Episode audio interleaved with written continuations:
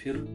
Сегодня я хотел бы обсудить такие темы, касающиеся, касающиеся именно современного общества, современной цивилизации, то есть те основы, которые лежат в основе, скажем, вот этой западной философии и цивилизации, и какие проблемы возникают у людей из-за именно вот этих основ. Отчасти обсудим вот это современное рабство – то есть каким образом людей, скажем, загоняют в рабство. Ну и от этого, естественно, люди страдают, но при этом думают, что они свободны. Подождем еще чуть-чуть, пока присоединятся некоторые слушатели. Также задавайте вопросы по поводу тем, которые хотели бы обсудить в дальнейшем в следующих эфирах. Ну и по теме сегодняшнего тоже можно задавать вопросы. Стараюсь ответить. Так, начнем именно современная цивилизация и культура, согласно своей философии, то сейчас именно рассмотрим, на каких, так скажем, колесах, на каких звеньях, на каких основах вращается современная цивилизация. Так вот, э, именно современная цивилизация, а также их философия, принимает за точку опоры для себя в общественной жизни именно силу, то есть именно основа и то, на что должен опираться и каждый отдельный человек и общество, это именно, то есть эта цивилизация считает, что сила – это та основа, на которой все держится. Своей же целью она поставила выгоду. То есть цель, какую цель как бы ставят перед людьми, это именно выгода, то есть нажива. В любом случае ты всегда должен быть в прибыли, получить прибыль, нажиться и так далее. А отношения общин рассматривают через идеи национализма, да, от такого отрицательного национализма или расизма. Также ее крайним пределом, дабы удовлетворить страстные желания и увеличить человеческие потребности, являются некоторые развлечения и забавы. Да, то есть именно конечный итог всех этих стараний это именно услаждение вот таких, скажем, низменных страстей людей, то есть вот это всякие развлечения и так далее, увеличение человеческих нужд, то есть вот эта своеобразная морковка, да, за которой бежит вот этот э, вот это человечество в виде ослика, да. Но если мы рассмотрим все вот эти пять основ, на которых держится вся современная цивилизация, еще раз повторим, то есть точка опоры – это сила, цель – нажива, Потом закон жизни, да, то есть, грубо говоря, основа в мире это именно борьба. То есть они считают, что основным законом, который существует во Вселенной, так скажем, да, это именно закон борьбы, что все виды, каждый индивид, он борется за свою жизнь. Они даже так и назвали, грубо говоря, э, как жизнь борьба, да, то есть такой есть лозунг Затем объединение общества, они решили, что это именно национализм, там расизм, ну такой отрицательный национализм. И конечный итог всех стремлений это именно удовлетворение страстей человека, то есть вот этих нескончаемых желаний через всякие развлечения, забавы и так далее. Между тем, если мы рассмотрим все вот эти пять основ, то есть к чему они приводят, да, мы увидим, что, конечно же, сила когда и сам отдельный человек, и общество какое-то или какая-то страна накапливает силу, то рано или поздно это приведет к агрессивности, да, то есть к агрессии.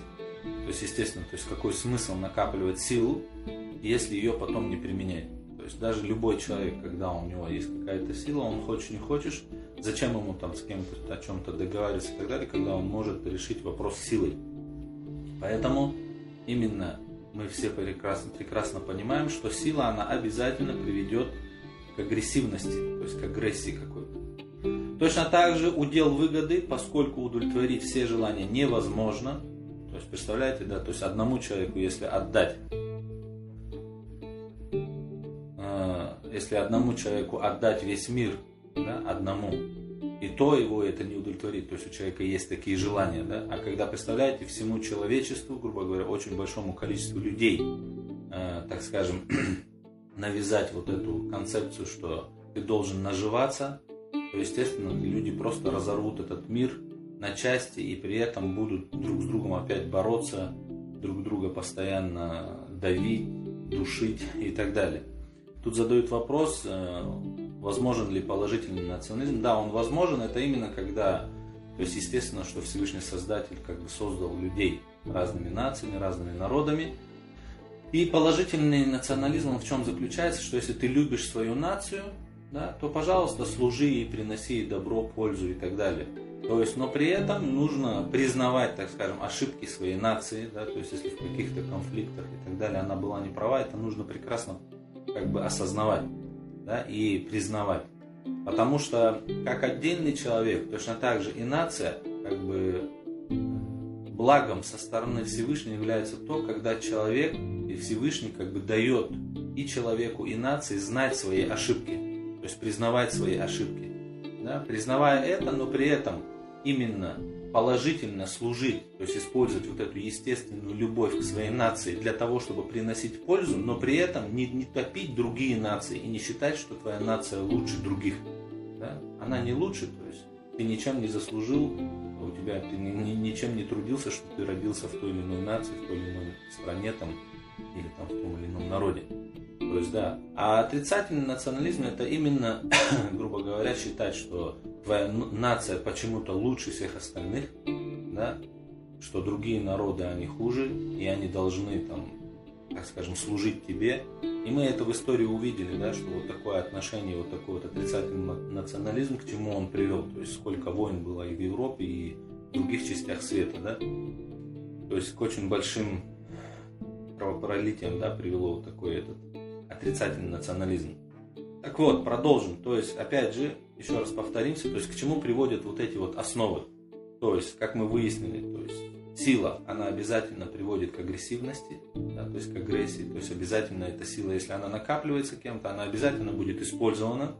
И мы это, в принципе, сейчас в мире видим, да, там, например, такие сильные страны, какие-то там, ну, пускай там Америка и так далее. То есть, имея силу, она там с маленькими странами поступает очень жестоко, да, так скажем. Видим прекрасно, да, точно так же другие какие-то страны. То есть получается, что маленькие страны, да, какие-то маленькие народы, у которых нету, скажем, вот этой силы, да, то есть с ними абсолютно несправедливо обходятся, то есть они как разменная монета используются. Так вот, еще раз, сила обязательно приводит к агрессивности, потом удел выгоды, поскольку удовлетворить все желания невозможно даже у одного человека, это отсюда выходит, что это нужно сцепиться и хватать друг друга за глотку и душить, да, чтобы мне досталось больше. Также уделом закона борьбы, опять мы прекрасно понимаем, что это будет какая-то схватка, борьба, да, то есть опять агрессия, опять какой-то конфликт. Удел национализма – это опять же нападение, нападение да, так как чтобы быть откормленным самому, то есть своей нации, надо проглотить другие нации. И вот именно по причине вот таких вот законов, вот этих основ, да, вот этих, так скажем, шестеренок вот этой современной цивилизации, а это все уходит корнями в древнюю философию, то есть это все оттуда рождено, несмотря на то, что вроде бы у этой цивилизации, да, вот вроде современный мир, мы смотрим, столько есть всяких организаций, да, там каких-то там, не знаю, там полицейские, прокуратура, там спецслужбы, какие-то даже такие социальные службы и так далее, но это ничего они не могут сделать. Почему? Потому что когда люди все воспитаны на вот этих основах, и, соответственно, эти же люди идут работать во все же эти же структуры, вы ничего не поменяете, потому что люди из того же теста, то есть они замешаны на той же закваске, на которой воспитаны все. И, соответственно, человек, к примеру, попадает, там, не знаю, там, в полицию, в милицию, какие-то спецслужбы и так далее, он понимает, опа, вот все мои, грубо говоря, мечты избылись, да, то есть вот у меня сила появилась, тут я могу наживаться там и так далее, и так далее. То есть он идет именно в фарватере вот тех ценностей, вот тех, вот тех основ, которые ему навязала именно вот эта современная цивилизация, вот эта вот философия и культура. И поэтому вот такие вот основы, и мы это явно видим, она полностью лишила человечества покоя. Да, как личного покоя, так и покоя между, так скажем, странами и народами. То есть постоянно идут какие-то конфликты, постоянно какая-то борьба, постоянно все друг друга хотят проглотить, задавить и так далее. Но теперь какие основы и какие, так скажем, вот эти шестеренки нам предлагает, так скажем, Всевышний во всех небесных религиях, да, то есть через свои божественные откровения. То есть Всевышний нам говорит, что вместо силы за точку опор мы должны принимать истину. То есть это истина является точкой опоры, а не сила. Да? То есть есть известное выражение, что сила в истине, но в, силе истины нету. Да? А также в своих целях вместо выгоду мы должны признавать и ставить именно как бы довольство Всевышнего, которое зарабатывается от какой-то добродетели, то есть добрыми делами и так далее.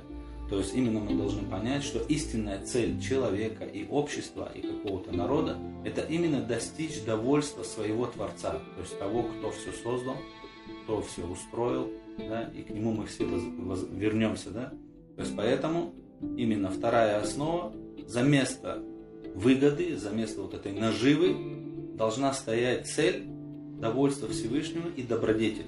В жизни вместо закона борьбы Всевышний нам говорит, что основа это закон взаимопомощи, то есть основной закон Вселенной, на котором работает вся Вселенная, все создания, это именно закон взаимопомощи, то есть все друг другу помогают.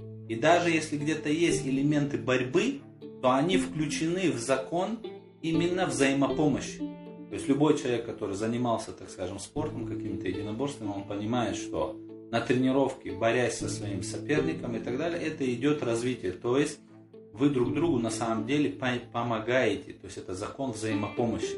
То есть, значит, основным законом, на котором вращаются, так скажем, механизмы Вселенной, это именно закон взаимопомощи. И мы это явно видим, как все создания спешат друг другу на помощь. То есть везде практически симбиоз. Как там какие-то атомы пищи бегут на помощь клеткам, да, то есть растения бегут на помощь к животным, животные к людям и так далее. То есть этот закон взаимопомощи явно везде прослеживается. В отношениях же между общинами вместо расизма и какого-то отрицательного национализма, то есть Всевышний нам дает какие основы, на чем мы должны объединяться. Это именно классовые патриотические связи, религиозные связи, то есть те э, такие, так скажем, универсальные, универсальные вещи, которые объединяют всех, всех, а не просто какой-то отдельный народ и отдельные сословия. Пределом же его стремлений является воспрепятствование да, поползновение страстных желаний, недопустимых божественными законами, побуждение души к возвышенным идеям и удовлетворение ее возвышенных чувств, а также побуждение человека к совершенствованию и воспитанию в нем истинного человека. То есть предел, то есть для чего все это делается, грубо говоря, да, то есть вот эти основы к чему должны в итоге приводить, это наоборот, то есть человек должен ограничить свои вот эти животные страсти, то есть те страсти, те чувства, которые не видят итогов, которые явно посягают на права других. Вот любой человек, который просто последует за своей какой-то страстью, он автоматически нарушит чьи-то права. Автоматически. То есть если я вот начну жить вот как именно мне, так скажем, по кайфу, да, то есть как я именно хочу, как хотят мои страсти, я автоматически нарушу права и близ лежащих, так скажем, моих соседей каких-то, да, и вообще, то есть сразу же. Поэтому именно наоборот, мы должны ограничивать вот эти слепые чувства, но ограничивать именно через что, не просто там, скажем, вот такое тупое какое-то удержание, да, а именно вот через разум, да, через истину, видя итоги, да, видя итоги вот тех поползновений страстей, применять именно на себе, то есть, как вот это э, правило, да, есть такое, то есть поступать с людьми, с людьми так, как ты хотел, чтобы поступили с тобой. То есть, когда человек чуть-чуть начинает смотреть вперед и понимает, что я вот сейчас вот так вот поступлю, следуя своей какой-то страсти, какому-то слепому чувству, а не затрону я права других, а мне было бы приятно, если по отношению ко мне так поступили, или кто-то рядом со мной так поступал и вел себя то, соответственно, человек сразу поймет, что ему это не нравится. И наоборот, мы должны как бы давать прогресс, свободу и развивать именно человеческие способности, да, человеческие качества, человеческие чувства. Это там разум, душа, совесть и так далее. То есть, в принципе, то, что нас и отличает от животного, то, что нас и выделяет как людей. Именно вот такие, так скажем, возвышенные чувства. То есть, и получается, что человек, чем больше он прогрессирует в этих именно чувствах, в этих способностях, тем больше он становится человеком. Теперь давайте посмотрим, к чему приводят вот эти, так скажем, божественные основы, да, то есть, которые дает человечеству Всевышний Создатель, да, то есть через откровение. То есть мы все понимаем, что сущность и задача истины это объединение. То есть вокруг истины объединяются все. Потом сущность и задача добродетели, то есть когда у человека или у общества стоит цель достичь довольства Всевышнего Создателя, да, а это возможно только через благие деяния, да, через добрые деяния, то это опять же любое доброе дело, оно начинает сплачивать вокруг себя людей. Потому что, во-первых, даже тот человек, который делает какое-то доброе дело, он обязательно нуждается в ком-то. Потому что любое доброе дело его не так-то легко сделать. И человек нуждается в взаимопомощи да, других там каких-то там, не знаю, соседей, родственников и так далее, и так далее. То есть доброе дело, оно всегда вокруг себя объединяет. Потом сущность и задача взаимопомощи, то есть опять же, то есть, когда в обществе и перед каждым отдельным человеком ставится и воспитывается во главу, во главу, во главу как бы угла, да, что именно закон взаимопомощи – это тот закон, на котором вращается вся Вселенная, то опять же это спешит друг другу на помощь, да, помочь друг другу. И именно так, наоборот, выживают, а не через закон борьбы. То есть никогда все друг друга топят и пытаются единолично выжить. Сущность и задача точно так же религии, да, это братство, располож... расположение, то есть чтобы люди именно дружили, объединялись и так далее. Опять же, обуздание страстных желаний и побуждение души к совершенству и ее раскрепощение ведет к счастью в обоих мирах.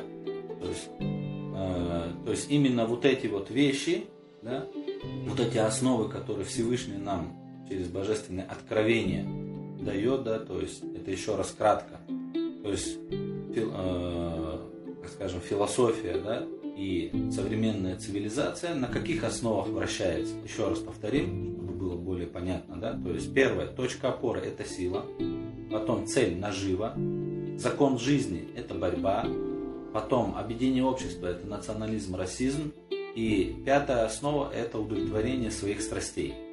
А божественное откровение, да, то есть Всевышний перед нами ставит какие основы? За место силы точка опоры должна быть истина. Потом цель за место наживы и выгоды должно быть довольство Всевышнего, которое зарабатывается добродетелью да, какой-то. Затем за место закона борьбы во Вселенной правит закон взаимопомощи, и он опять же, то есть этот закон будет нас подталкивать к взаимопомощи друг другу. Затем за место какого-то национализма, расизма, да, то есть это там общая родина, да, там, религиозные чувства и так далее. То есть вера, которая связывает, да, что все мы там братья и так далее. И конечный итог э, вот этих устремлений в личном плане, да, человек к чему должен стремиться, это именно обуздание своих вот этих низменных страстей, слепых чувств, которые ведут обязательно к нарушению и, сам, и прав самого человека лично, и окружающих.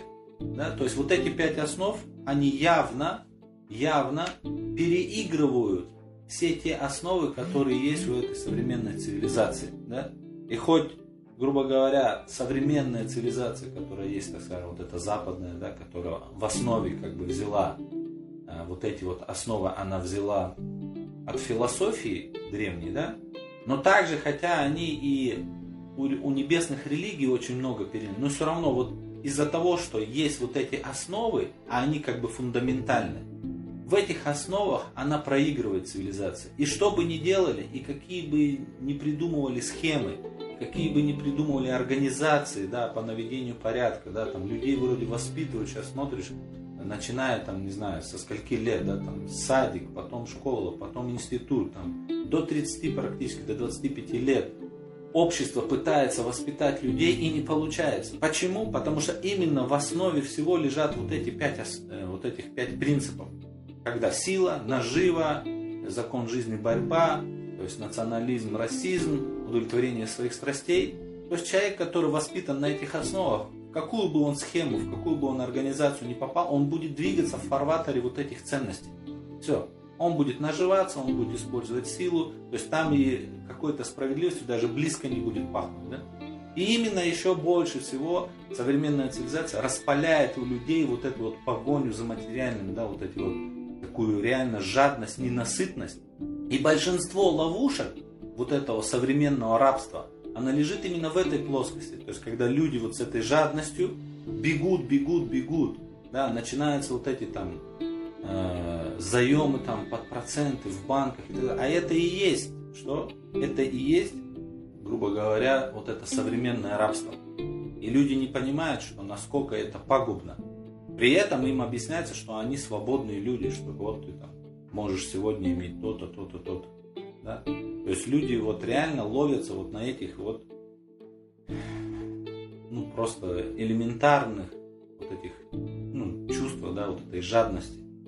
То есть Например, цивилизация со всеми своими благотворительными организациями, со всеми своими насильственными крепкими порядками, правилами, да, там, структурами, со всеми своими учреждениями по нравственному воспитанию, она ничего не может противопоставить вот этим вот проблемам. Почему? Потому что именно эти проблемы лежат вот в этих основах. Да?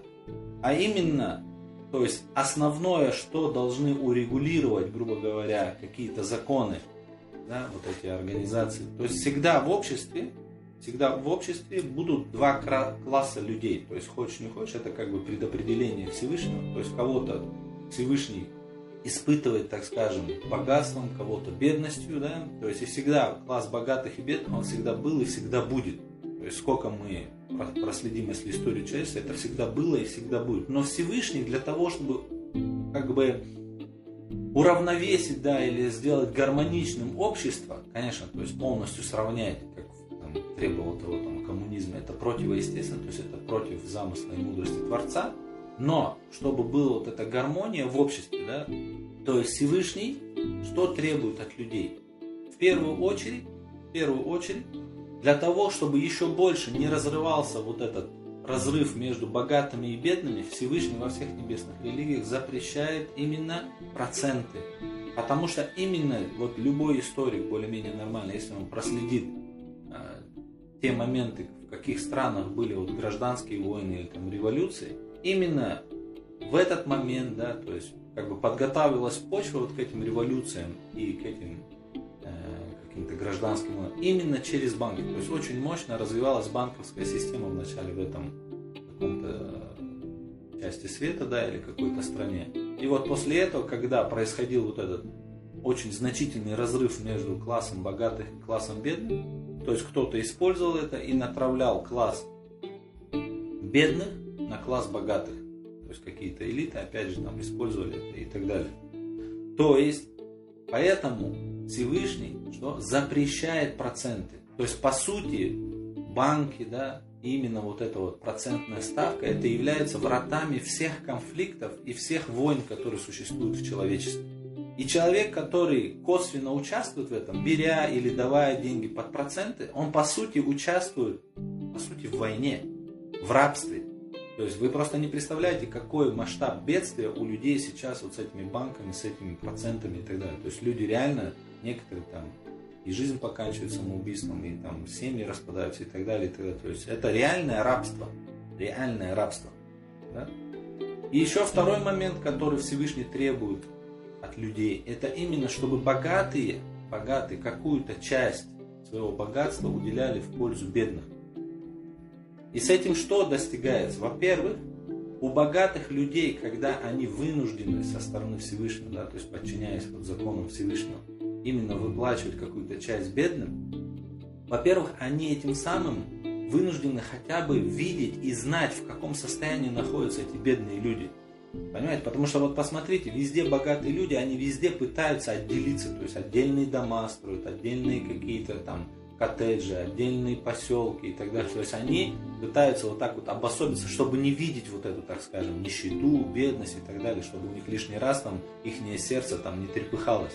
А именно Всевышний требует от богатых, чтобы они, давая вот эту какую-то часть бедным, чтобы они видели вот это состояние бедных людей чтобы они осознавали, насколько некоторые люди находятся в очень плачевном состоянии, чтобы у них вот это их сердце, так скажем, вот это милосердие и сострадание просто не умерло.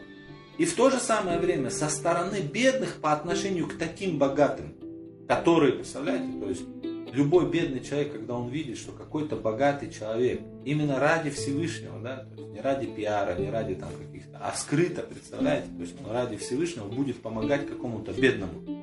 То есть любой бедный будет наоборот молиться за такого богатого и просить, что Всевышний дай ему еще.